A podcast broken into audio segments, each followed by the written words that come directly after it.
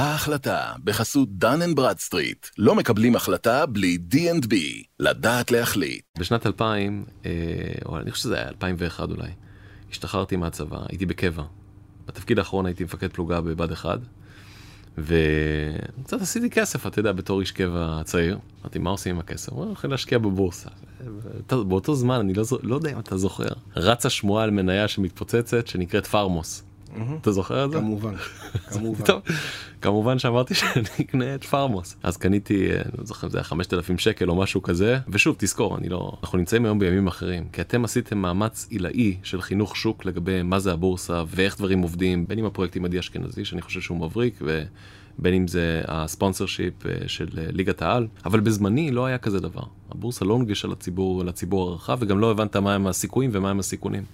כמובן היה מאוד קשה לקנות את מניית פארמוס, אבל כשקניתי את מניית פארמוס גם הפסדתי שם uh, כסף לבסוף. כמה אחוזים הפסדת? אני לא, לא זוכר. אתה לא זוכר? לא, כנראה 80 אחוז, אני לא זוכר. אני השיא שלי זה 90 אחוז. בפארמוס או ב... לא, בחברה אחרת, אבל אני לא... מנוע מלהגיד את שמה.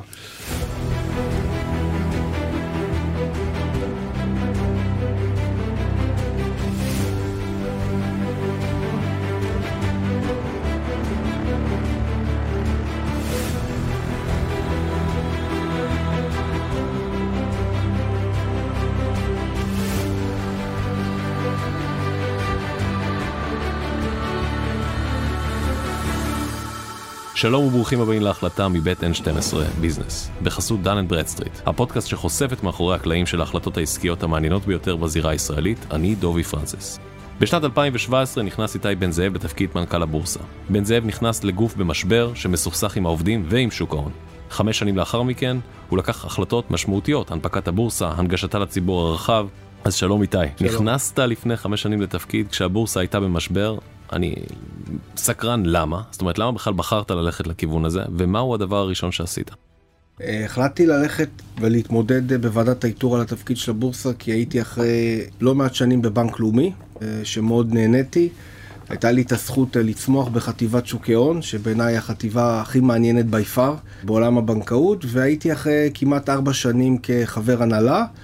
הייתי במקום, אה, מה שנקרא, מצוין, כי אנשים נהדרים, הכל תפקד טוב, והרגשתי שאני בסוג של comfort zone. וכל אחד צריך לדעת מה הנקודות ש, שמפעילות אותו, ואני אוהב אתגרים, ובאיזשהו מקום, אה, דווקא במקום שהיה לי טוב, התחלתי לחשוב על האתגר הבא, והעובדה שכל כך הרבה אנשים סוג של התייאשו מהבורסה, כולל בתקשורת הישראלית, זה משהו שככה תפס לי את העין ואת הלב. וכשניתחתי עם עצמי אמרתי בעצם אה, בורסה זה משהו שעושה טוב לכולם, זה עושה טוב לחברות, זה עושה טוב למשקיעים, זה מגדיל את העוגה. ההצלחה של בורסה לא באה על חשבון אף אחד אחר, כי נגיד שעבדנו בחדר עסקאות של לאומי, אז בהגדרה כשלקחת עסקה מלקוח, לקחת מחדר עסקאות של בנק אחר. בבורסה זה לא הדבר, זאת אומרת, מה זה תיקח? תיקח במקום שחברות ילכו וינפיקו בשווקים אחרים ויתרמו לפנסיה של הציבור במקום אחר. ואז הבנתי באיזשהו מקום שהצלחה של הבורסה היא הצלחה של כלכלה, היא הצלחה של מדינה, ומדינת ישראל, בשביל שתהיה חזקה עוד הרבה שנים קדימה, צריכה שגם הכלכלה פה תעבוד כמו שצריך. ולכן אה, חשבתי שזה תפקיד שיכול להיות מעניין ומאתגר.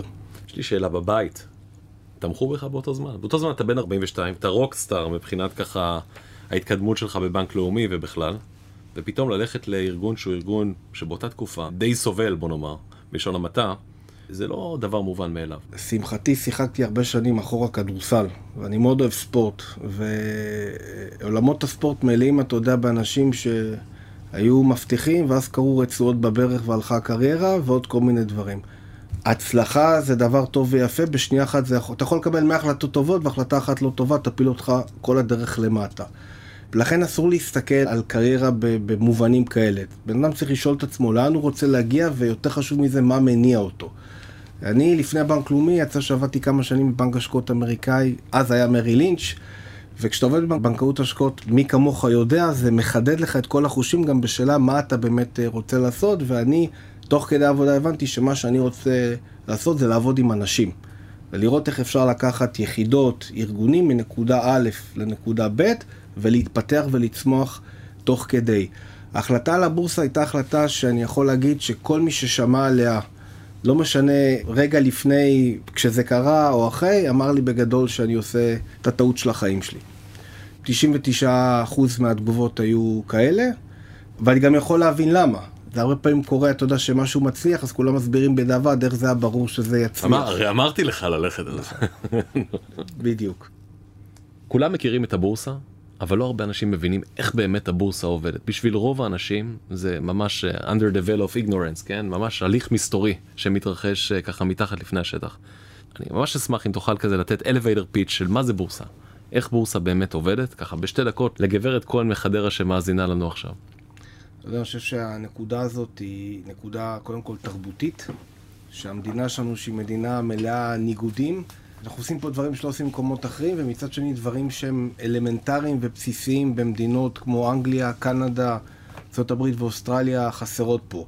אז כמו שבאים אליך לתוכנית, לכרישים, ורוצים לגייס כסף בשביל שהחברה תוכל להשקיע במחקר ופיתוח, בשיווק ותוכל לצמוח, אותו דבר בדיוק חברה שהיא בסקייל גדול, באה ומגייסת כסף מהציבור בשביל שהיא תוכל לצמוח, וזה אומר שהיא מכניסה את הציבור להיות חלק מבעלי המניות של אותה חברה. זה מה שנקרא גיוס הון, ויש גם חברות שבאות לציבור ומנפיקות איגרת חוב, שזה בעצם תחליף של הלוואה בבנק, וכל הרעיון של בורסה זה פלטפורמה, שיש לך מצד אחד חברות, מצד שני משקיעים, ובגלל שיש מסחר במשך uh, כמה שעות טובות במהלך היממה, אז השוק הוא מה שנקרא נזיל ושכיר. ואז העלות שלך לגייס הון ולגייס חוב היא נמוכה לעומת שוק פרטי, ובגלל שאתה יכול לסחור בשוק המשני, זאת אומרת, אתה חושב עכשיו שאני קניתי מניה של דובי, כי אני חושב שדובי יהיה שווה, יעלה ב-200% בשנה. עלה אחרי חודש, אני יכול למכור ולעשות רווח. דרך אגב, המניה ירדה, אני יכול למכור בהפסד ולקבע סטופלוס. חלק מהעובדה שכולנו כשהיינו צעירים הפסדנו כסף, כי אף אחד לא לימד אותנו את החשיבות של סטופלוס. גם לקבע הפסד זה בסדר. ואני חושב שחלק ממה שנוצר בישראל, והקורונה מאוד דחפה לזה, שהרבה אנשים רוצים לייצר גם הכנסה פסיבית, ומבינים שדרך השקעה במדדים, או במניות שמחלקות דיבידנדים, והרבה דברים אחרים, יכולים, מה שנקרא, אה, לייצר אלטרנטיבות מעניינות. תשמע, זה מרתק, אני יצא לי להסתכל כהכנה לפגישה בינינו. על הדוחות הרבעוניים שלכם מהרבעון הראשון. ומאחר והבורסה עצמה היא גוף שכיר, אסור לך להגיד יותר מדי, אבל מה שכן קראתי, ואני מניח שמותר לציין, זה שיעורי מסחר יוצא דופן וביצועים פיננסיים יוצא דופן ברבעון הראשון של השנה, כן? זאת אומרת 38 אחוז אה, above average trading, מסחר מעל הממוצע ברבעון הראשון, 24 מיליארד שקלים באגרות חוב, כמו שציינת שהונפקו לציבור, 7.5 מיליארד שקלים בהקצאות מניות לציבור. זה מטורף וזה מעניין כי זה קורה בסביבת עבודה שהיא סביבת עבודה לא רגילה. נכון? סך הכל אתה רואה את השוק בארצות הברית, איך אתה מסביר את זה? אחד צריך להבין שאנחנו כבורסה הגענו מאוחר למשחק. הבורסות הגדולות שכולנו מכירים בעולם עברו תהליך שנקרא Demutualization. זה לא הפרטה, כי המדינה היא לא הבעלים של הבורסה. Demutualization בעברית זה סוג של שינוי מבנה בעלות. אז הבורסות הגדולות בעולם עברו את זה לפני 20 ו-30 שנה, והבורסה שלנו פה בתל אביב עברה, עברה את זה בסך הכל לפני 5 שנים. הייתה אה, הבנה שבעצם זה מרכיב שהוא חסר בהתפתחות של שוק ההון המקומי. דובי, כשמנתחים את הכלכלה הישראלית, רואים שהיא כלכלה מגוונת, כלכלה בריאה.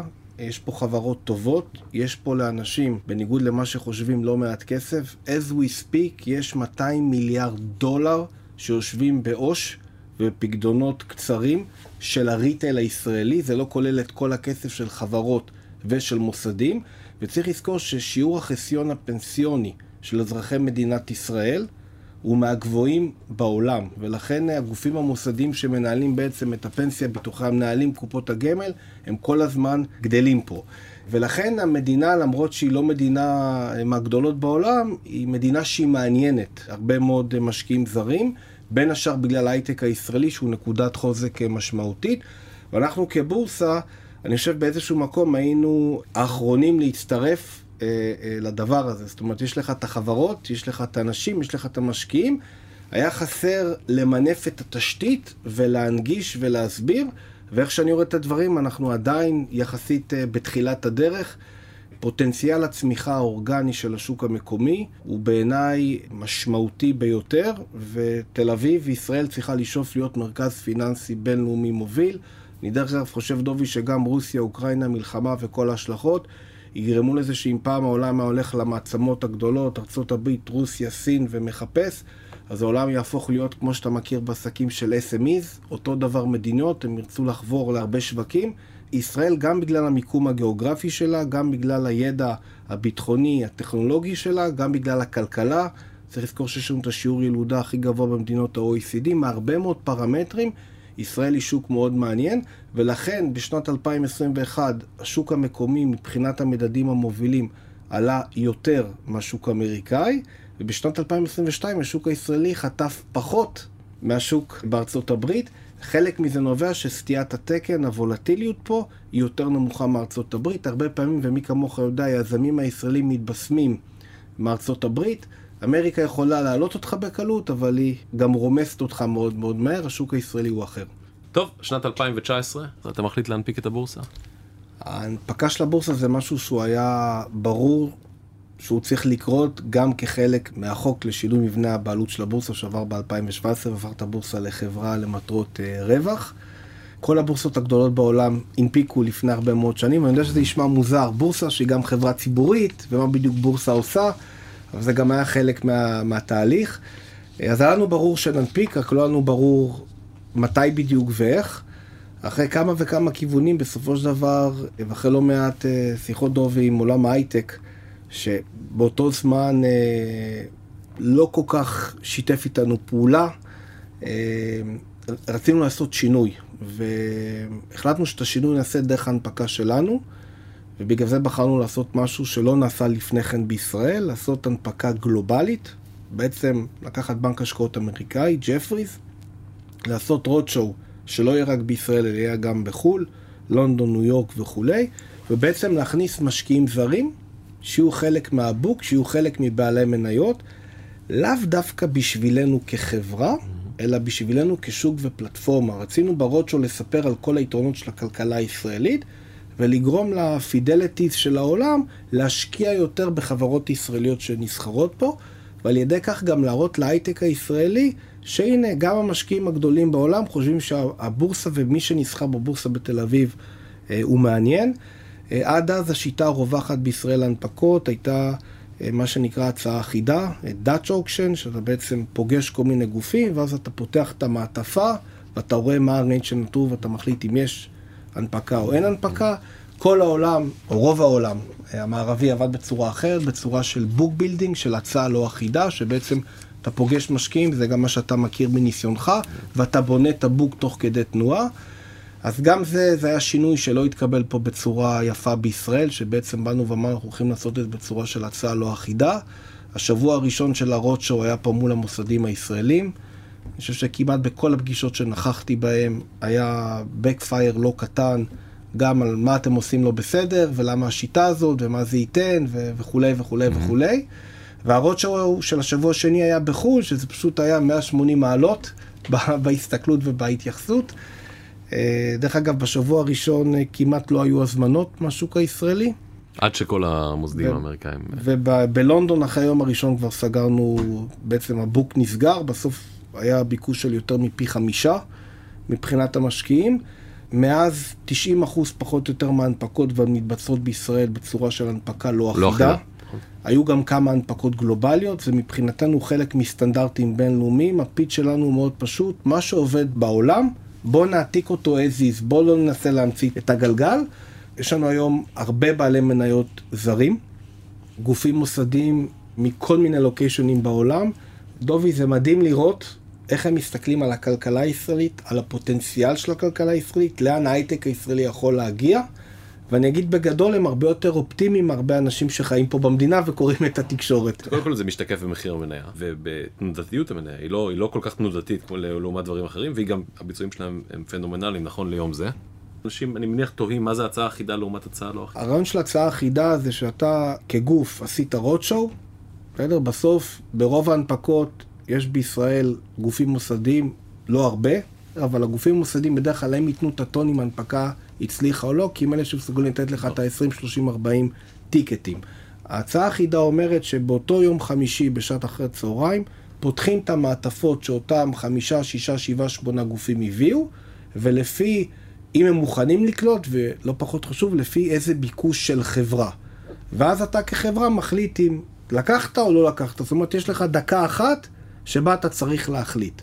הצעה לא אחידה זה משהו אחר, זה תהליך שאתה בונה אותו, אתה לא צריך לקבל מכולם, אתה גם לא חייב לבחור את כולם, זאת אומרת, אתה יכול לקבל הצעות מעשרה גופים בסכומים שונים, ב market cap, זאת אומרת, בשווים אחרים, כן, ואתה בסופו של דבר בוחר לעצמך את ה book שלך ואיזה משקיעים שאתה רוצה. זה תהליך שהוא הרבה יותר אינטראקטיבי, הוא תהליך הרבה יותר אה, נכון, הוא תהליך שהוא גם מעביר את הכוח מהמוסדיים, כי בהצעה אחידה הכל יקום ויפול על מה שהם אומרים, משנה קצת את האיזון, ומה שהכי חשוב, דובי, זה התהליך שקיים בעולם, ולכן חברה היום, גם אם כבר נסחרת והיא רוצה לעשות סקנדרי, ברגע שהיא תעשה הצעה לא אחידה, היא יכולה בקלות על אותה פלטפורמה לחבר גם משקיעים ישראלים וגם משקיעים זרים. בשני המקרים אני רק אגיד, הציבור הישראלי, לצערנו, הוא לא פקטור, או הוא כמעט לא פקטור בהנפקות.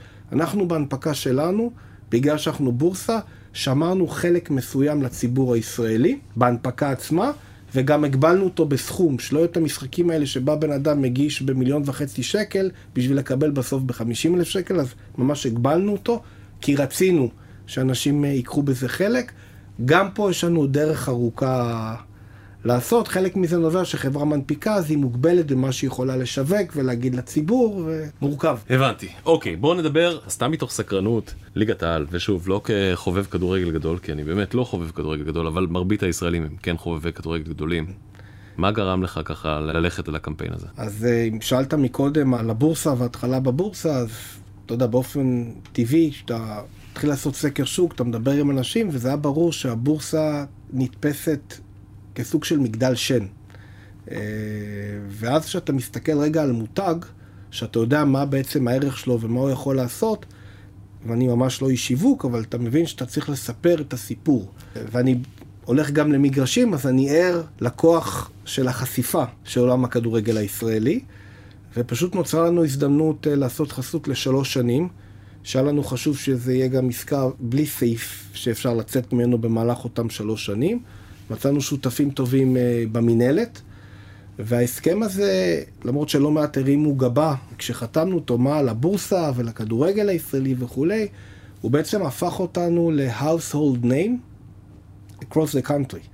וזה משהו שהוא מאוד בא לידי ביטוי, כי המון חברות שהנפיקו אצלנו, והיה לנו 130 הנפקות בשנתיים האחרונות, הרבה חברות בטקסי פתיחת מסחר אומרים, תשמעו, הצעד שלכם בכדורגל, שפתאום אני מבין שאם אני אבחר אצלך, אני חושף את עצמי לעוד משקיעים, ולהבין בעצם את הסיפור ואיך שהדבר הזה עובד, זה משהו שמבחינתנו אה, היה מאוד מוצלח. היום אנחנו כבר במקום אחר, היום אנחנו, נגיד ככה, מותג מוכר, עכשיו אנחנו יותר מתמקדים. צריך גם להבין שאנחנו לא חברה עסקית רגילה שמוכרת לך מוצר, זה branding, זה מוניטין.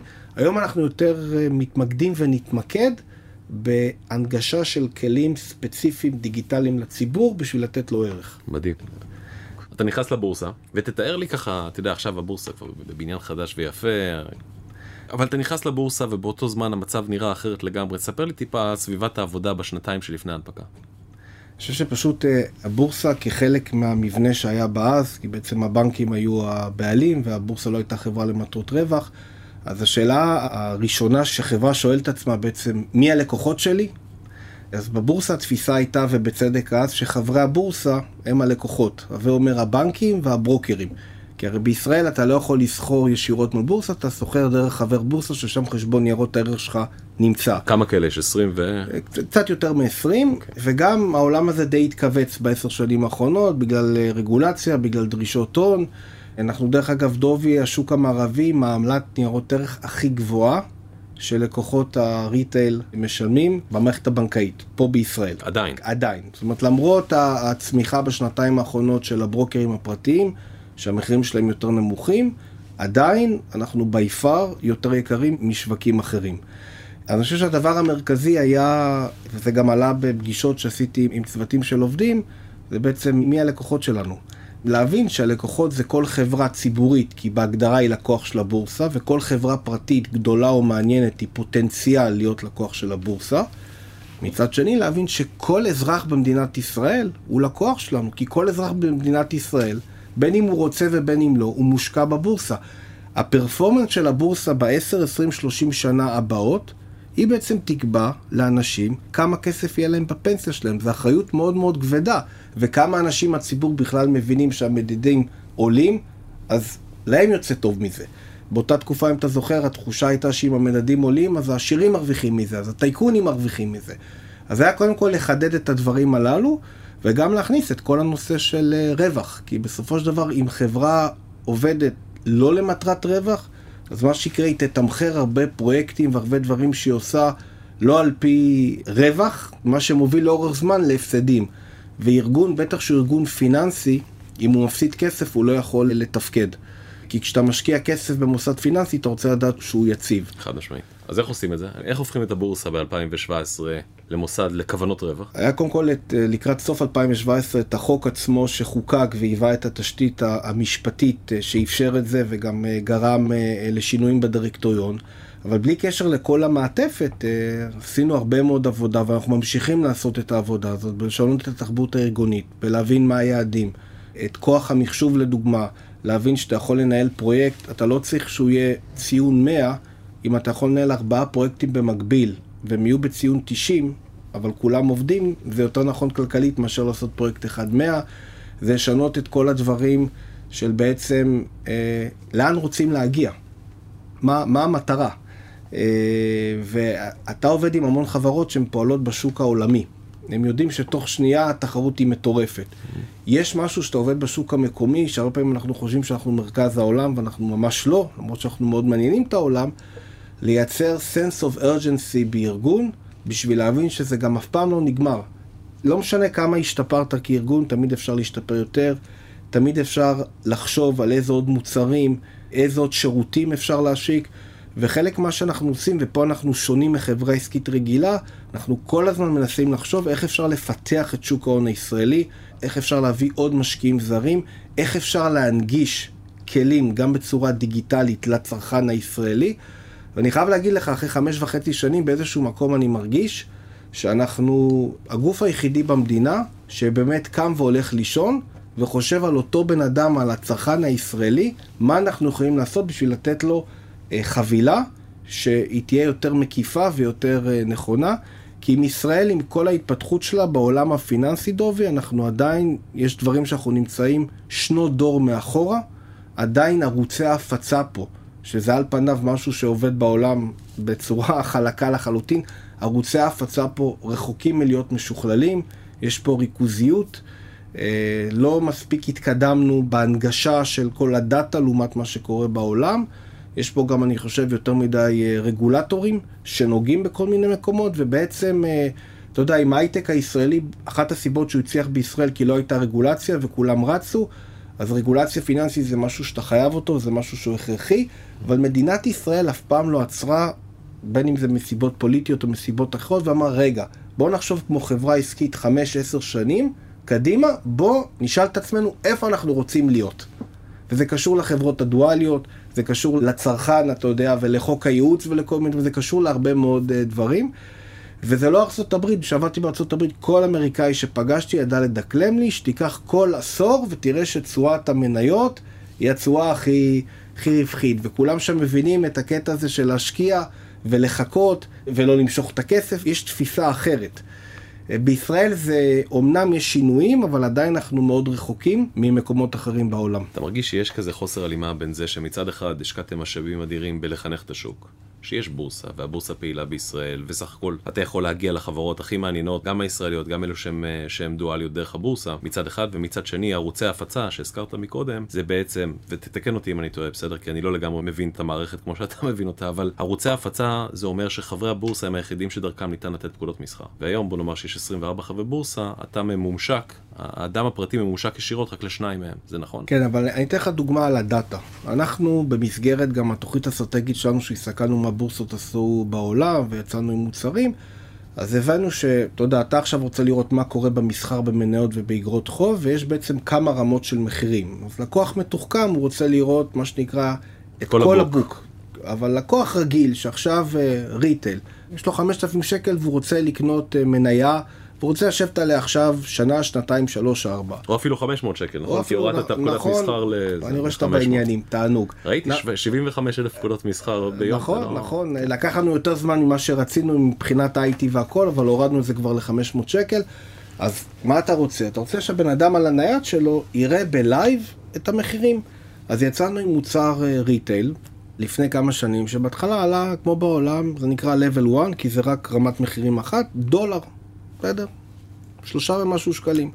אני חשבתי, וטעיתי לחלוטין, שהבנקים, בטח הבנקים הגדולים בישראל, ייתנו את זה בחינם לכל הלקוחות שלהם, כי בעצם הם מקבלים מידע פיננסי, מספיק שלקוח יעשה פעולה אחת בשנה, הוא כבר מחזיר לבנק ונשאר עודף את העלות, אבל אף בנק בישראל, דובי, לא הרים את הכפפה למרות המוצר שפיתחנו, ואמר ללקוחות שלו, הנה, קחו עכשיו מידע, לא ב delay של 15 דקות, אלא מידע ב live. ואז אתה אומר לעצמך, למה בעצם? אחר כך פיתחנו ממשק הנפקות, לדעתי הבורסה היחידה בעולם שיש לה ממשק כזה, שמאפשר לך כלקוח לראות את כל ההנפקות equity ו debt, primary, זאת אומרת אם זה הנפקות של IPO, או הנפקות secondary, אה, אחרי שכבר חברה ציבורית, שאתה בעצם המכרז הציבורי, שאתה צריך לדבר עם היועץ ולקרוא, ולא, תהליך די מסורבל, אז אתה יכול אצלנו אונליין לקרוא את התשקיף וב double click אני מחבר אותך, הבורסה מחברת אותך לדף הנחיתה של הברוקר או של הבנק, ודרכו אתה יכול להשתתף בהנפקה. רק מה קרה? כמעט אף אחד לא התחבר בכלל לממשק שפיתחנו, שלא לדבר שאף אחד גם לא שיווק אותו. בסדר? ואז אתה מבין שבישראל יש דברים שפועלים אחרת מהעולם. והאינטרסים פה הם אה, אחרים. מה האינטרס? ריכוזיות? לא רק ריכוזיות, תראה, לנו יש אה, מנוע של השוואת עמלות. כמובן הכל אצלנו בחינם, שאתה יכול להראות לפי חיתוכים, זה הכל מהדוחות הכספיים של הבנקים, אתה יכול לראות לפי הגודל תיק הממוצע שאתה מנהל, מה הממוצע של הדמי ניהול, ועמלת קנייה ומכירה בניירות ערך ישראלים וניירות ערך זרים. דרך אגב, זה אחד הקמפיינים שעשינו עם עדי אשכנזי בזמנו, ובעצם אנחנו נותנים לך ערך כלקוח, שאתה יכול לראות מה אתה משלם בבנק ומה הממוצע. אני מתאר לעצמי שלבנקים אין אינטרס שיהיה traffic של data באתר שלנו, כי אם יהיה traffic של הרבה לקוחות, הם יוכלו לקבל בחינם את המנוע הזה, ואז להתמקח יותר על השוואות ניירות ערך. אני מסתכל על זה, שאם העמלה הממוצעת, יחד עם דמי ניהול, היא חצי אחוז, רק בשביל להיכנס לשוק, שבארצות הברית בהרבה מקומות זה אפס עגול, כן. או כמה basis point, אז בסוף הלקוח, גם אם הוא יקרא נכון, התוחלת של העמלות תפגע לו משמעותית בתשואה. עכשיו, הבנקים עשו המון פיתוחים דיגיטליים והם יודעים לנהל את זה, אבל צריך להגיד את האמת, אין מספיק תחרות ואין מספיק הבנה על הצרכן הישראלי, למרות שהצרכן הישראלי הוא, הוא לומד והוא מבין עניין, ודרך אגב, לא מעט מהצרכן הישראלי החדש הוא בכלל סוחר בחו"ל, הוא סוחר בקריפטו. גם על זה אף אחד דרך אגב לא נותן מספיק את הדעת okay. אוקיי. אה, במדינה, ולכן, אתה יודע, אנחנו ראינו, יש בסך הכל ארבעה ברוקרים בישראל שעובדים, חוץ מהבנקים, שהם גם משקיעים בשיווק בשנתיים האחרונות, ואנחנו רואים אותם צומחים, אבל כשאני מסתכל רגע על כל השוק הזה, אנחנו טיפה בים מבחינת מה שעשינו עד היום. ואני חושב שכמו, אתה יודע, כמו הרבה מהפכות, אה, מהפכות טובות הן מתחילות מלמטה. ואנחנו גם חושבים, אתה יודע, לאיזה עוד כלים אפשר להנגיש ולתת, אבל זה לא פשוט, שסך הכל בניגוד להרבה שווקים אחרים בעולם, שכל השחקנים הפיננסיים רוצים להגדיל את העוגה ורוצים לתת עוד דברים, יש בישראל משהו שהוא עובד אחרת משווקים אחרים, ואתה, יש לך ניסיון רב בפינטקים, אתה יכול לראות שלהערכתי כל הפינטקים שאתה מושקע בהם, או כמעט כולם, אף אחד מהם לא פועל בישראל. אף אחד. למה? יש כמה סיבות. אחד מהם זה שהשוק הוא מאוד מאוד קטן בעבור חלק מהחברות שלנו, כן? הדבר השני הוא כבר קשור בתחרות וריכוזיות, וכן. כן. אבל תחשוב שרוב חברות הפינטק שאנחנו מאוד חזקים, דווקא היו לוקחים את ישראל כהאב, ויש פה אנשים שמאוד דיגיטליים. יש סיבה למה חברות בוחרות שלא לפעול פה בשוק המקומי. יש את הסיפור הזה של dual listings, כן? כן. אולי תסביר שנייה לציבור מה זה dual listings, ואז אני אשאל אותך את השאלה. כן, ו... מדינת ישראל קיבלה החלטה אה, נכונה לפני קצת יותר מ-20 שנה, שהתחילו הרבה הנפקות בניו יורק. הם הבינו שאותן חברות הייטק צריכים לשמור על הזיקה שלהם לישראל, ואז חוקקו חוק שאמר שאם חברה בוחרת להיסחר בנסדק או ב New York Stock Exchange, שזה שתי הבורסות המובילות בארצות הברית, אז בעצם החוק אומר שהרגולציה שחלה עליהן בארצות הברית תחול גם בישראל. זאת אומרת, הם לא יצטרכו לדווח לשני רגולטורים, אלא רק לרגולטור אחד. לפני כמה שנים החוק הזה הורחב לעוד שלוש בורסות, שתי הבורסות בניו יורק, הבורסה בלונדון, הבורסה בקנדה, TMX, הבורסה בסינגפור, SGX והבורסה בהונג קונג.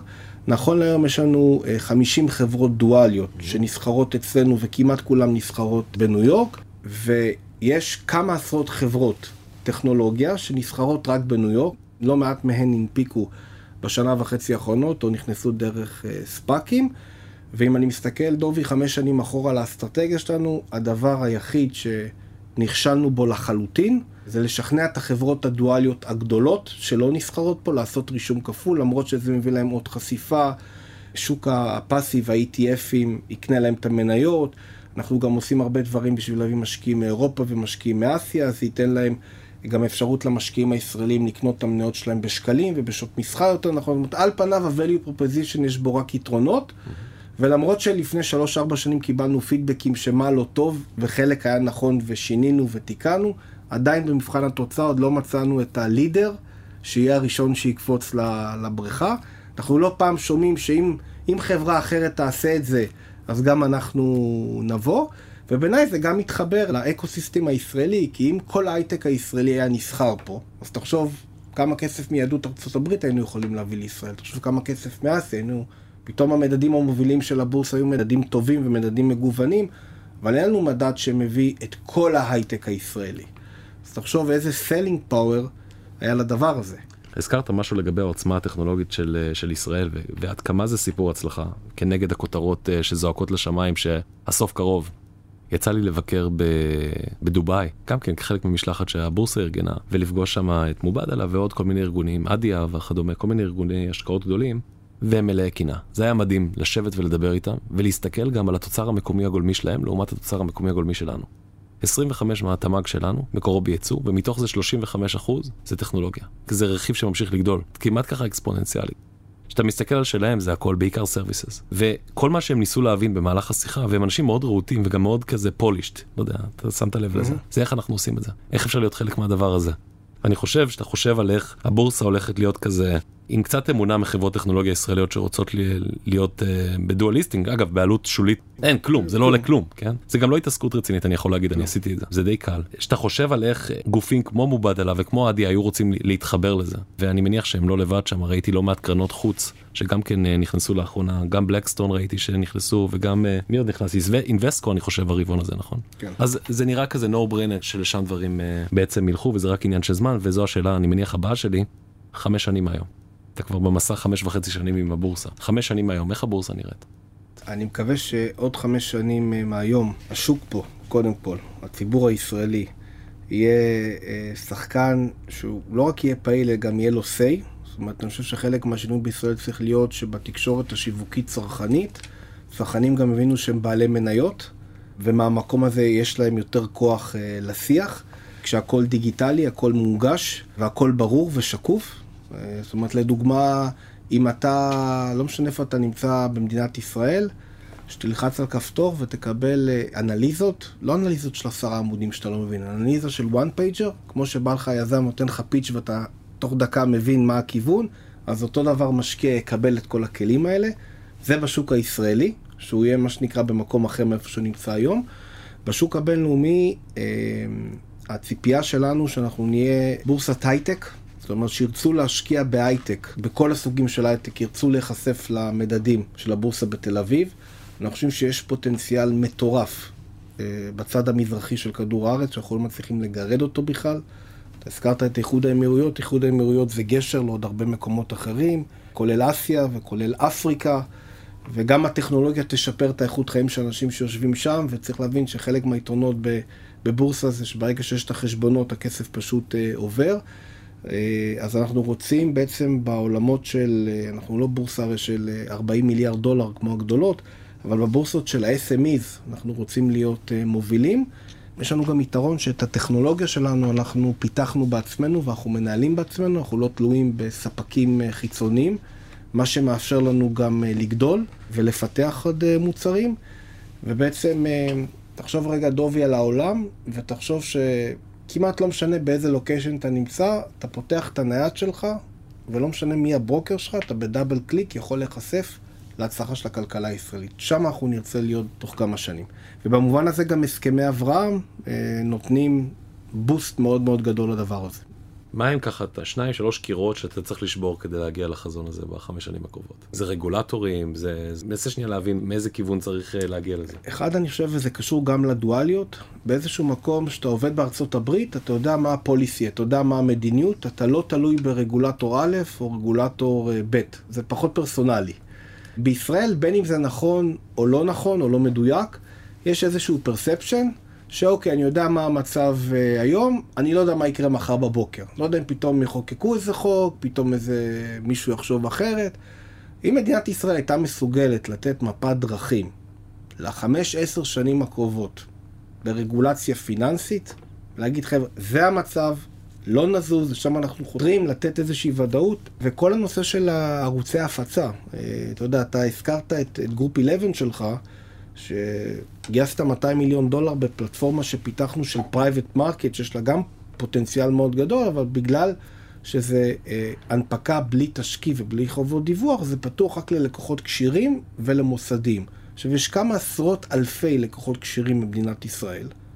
לא יודעים את המספר המדויק, 40 אלף, 60 אלף, סכום. אין לך אף פלטפורמה, אין לך אף גוף שמוכר מוצרים פיננסיים לאותם לקוחות כשירים. הם מאוגדים בדרך כלל ב family offices קטנים, לקוחות של חלק מהבנקים. הם מפוזרים, אבל כן. הבנקים לצורך העניין לא מקבלים דמי הפצה. אם הלקוח שלהם קונה יחידה של Group 11 ב TASE UP, אז... כן. אז למה להם להתאמץ ו... הרגשנו את זה עם החלק הקשה, הרגשנו את זה עם החלק הקשה. בסדר, עכשיו על פניו זה, זה, זה אבסורד, כי החלק הקשה זה שתהיה חברה מעניינת, ושתהיה פלטפורמה, דווקא הלמכור, הוא אמור להיות החלק הכי פשוט. אתה יודע, גם היועצים בבנקים אה, לפני 15 שנה, היית מדבר עם יועץ, היית מקבל את דעתו והיה מסחר, בגלל תהליכים אה, ארוכי שנים שקרו פה, היועצים בבנקים מייעצים לפי מודל. אז גם אם אתה עכשיו פונה ל-500 יועצים, הם ייתנו את אותה תשובה.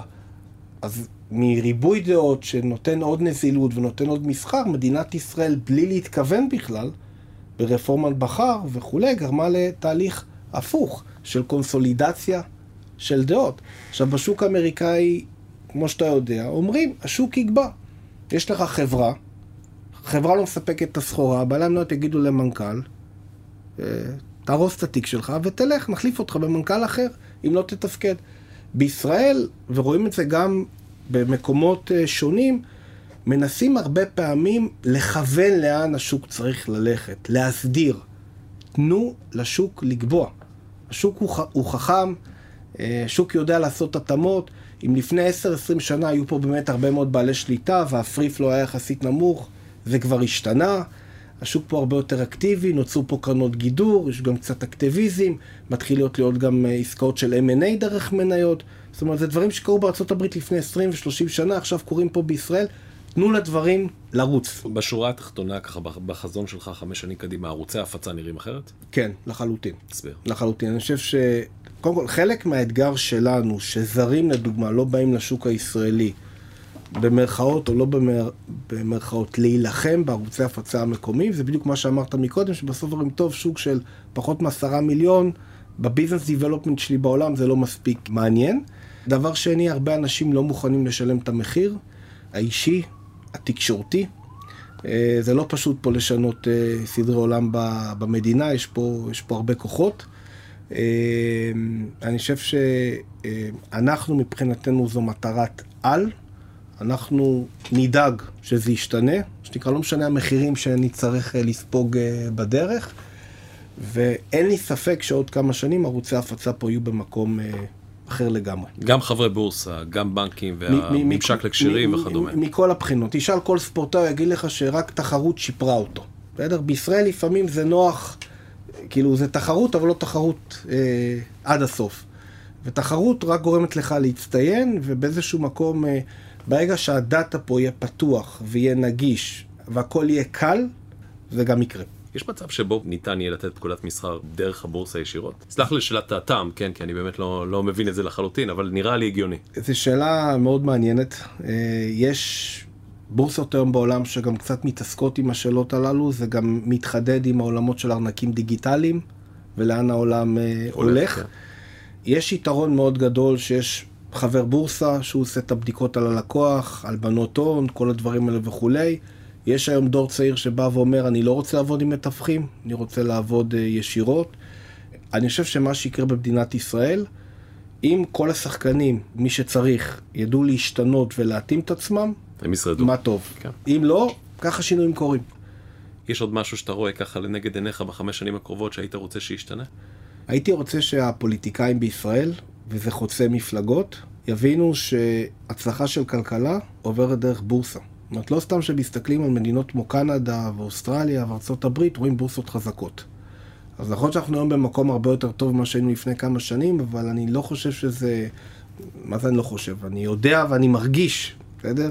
שזה מוטמע בתפיסה של, ה, של הממשלות ובתפיסה של אנשים שעובדים בורשה. יש שמבינים את זה, בסדר? אבל יש עדיין לא מעט שלא מבינים את זה. ואתה יודע, זה גם מתסכל באיזשהו מקום, כי כשאתה מסתכל על פוסט קורונה, ואתה רואה מה מדינות בעולם עושות בשביל לחזק את הכלכלה המקומית, כי הקורונה הסבירה גם לאזרחים שהם צריכים accountability, הם צריכים לדאוג לעצמם, המדינה לא תהיה שם, אבל גם מדינות מבינות שהן צריכות לראות איך הן מחזקות את הכלכלה המקומית. וגם במסגרת הבורסה היינו בצרפת לפני uh, חצי שנה, וראינו את מקרון, וראינו את הרפורמות, ואז אתה מסתכל על מדינת ישראל, ואתה אומר איזה, איזה עבודה נעשתה בשביל לחזק את הכלכלה המקומית דרך שוק ההון, דרך הבורסה.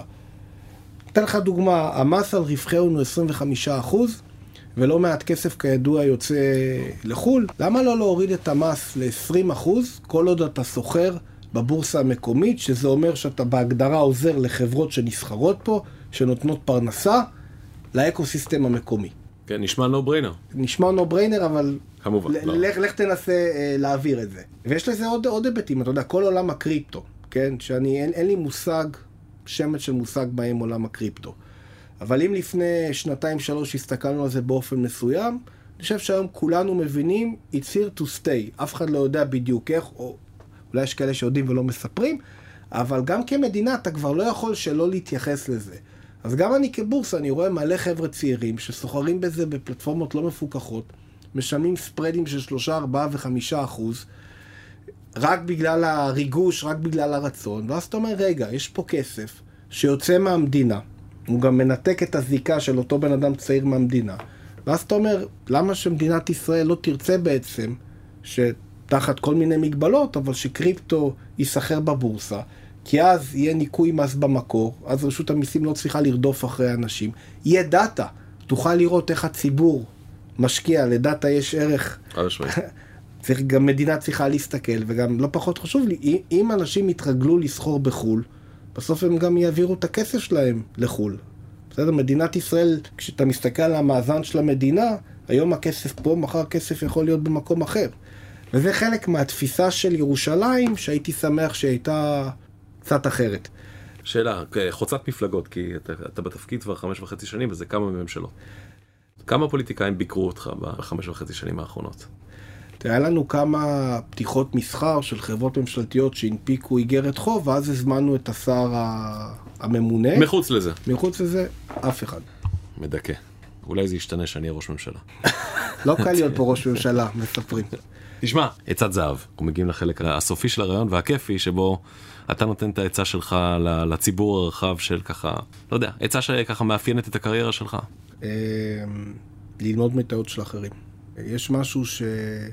זה כמו שאתה הולך לאיש מקצוע, ואם תשלם לו כסף, רוב המקרים תקשיב למה שהוא אומר, ואם הוא ייתן לך את העצה חברית והוא לא ייקח כסף, ברוב המקרים אתה לא תקשיב לו, כי לא שילמת. אני מגיל מאוד צעיר, מקשיב ומנסה פשוט, פשוט להתגלח על טעויות של אחרים ולא על הטעויות של עצמי. לפעמים הוא עובד יותר טוב, פחות טוב, זאת העצה שלי. אתה יודע, זה נורא מעניין, כי חי באמריקה כבר 16 שנים, ואמרת משהו שאני מתחבר אליו, שזה להקשיב. אני מרגיש המון פעמים באינטראקציה עם, אה, עם ישראלים שיושבים בבורד והם משוק ההון סיכון הישראלי, בוא נאמר, בסדר? והם לא אמריקאים. שהם פחות מקשיבים ויותר מדברים, יותר מקשיבים לעצמם, בוא, בוא נאמר, ואני חושב שיש ערך עצום בלהקשיב לצד השני ולהיות בשקט לרגע, וככה לקרוא את החדר ולהבין את הדברים, וכן, אני איתך, אני לגמרי במחנה של להקשיב. איתי, היה לי ממש כיף אה, לארח אותך פה, ותודה על הזמן. תודה לך. ועכשיו, עצת הזהב של Dun and Bradstreet. שלום לאבי זיטן, יועץ אסטרטגי מטעם Dun and Bradstreet. לרובנו יש שאלה אחת מרכזית שחוזרת שוב ושוב. איך אנחנו יכולים לצמוח ולהגדיל את העסק שלנו? אפשר לצמוח במגוון דרכים. לפתח מוצרים ושירותים חדשים, להמציא את עצמנו מחדש, לפרוץ לשווקים חדשים. בכל אלו כמובן שיש סיכונים, אבל יש גם הזדמנות גדולה. מניסיוני, הצעדים האלו אינם רק קשורים בצמיחה, בלי שאנחנו נוביל לשם. העסק שלנו עלול גם ללכת אחורה, בוודאי בעולם תחרותי דינמי וגלובלי. אם אנחנו לא דוחפים קדימה בכל הכוח, אנחנו נלך אחורה. דמיינו שהייתם יכולים לקבל מידע על כל הלקוחות הפוטנציאליים שלכם, לפי סגמנטים וסקטורים שהייתם מגדירים. מה הייתם יכולים לעשות עם כל המידע הזה? לפלח בצורה חכמה את השוק, להכיר לעומק את ההזדמנויות, לפנות בצורה פעילה ללקוחות החדשים ולצמוח. and Bradstreet מציעים את המידע המקיף על כל החברות הישראליות, כולל פילוחים, מידע עדכני ופרטי קשר רלוונטיים, ושתוכלו להגשים את החלומות והתוכניות הצמיחה שלכם. אז אם בא לכם להצטרף אלינו, חפשו and Bradstreet בגוגל, יש גם התנסות חינם.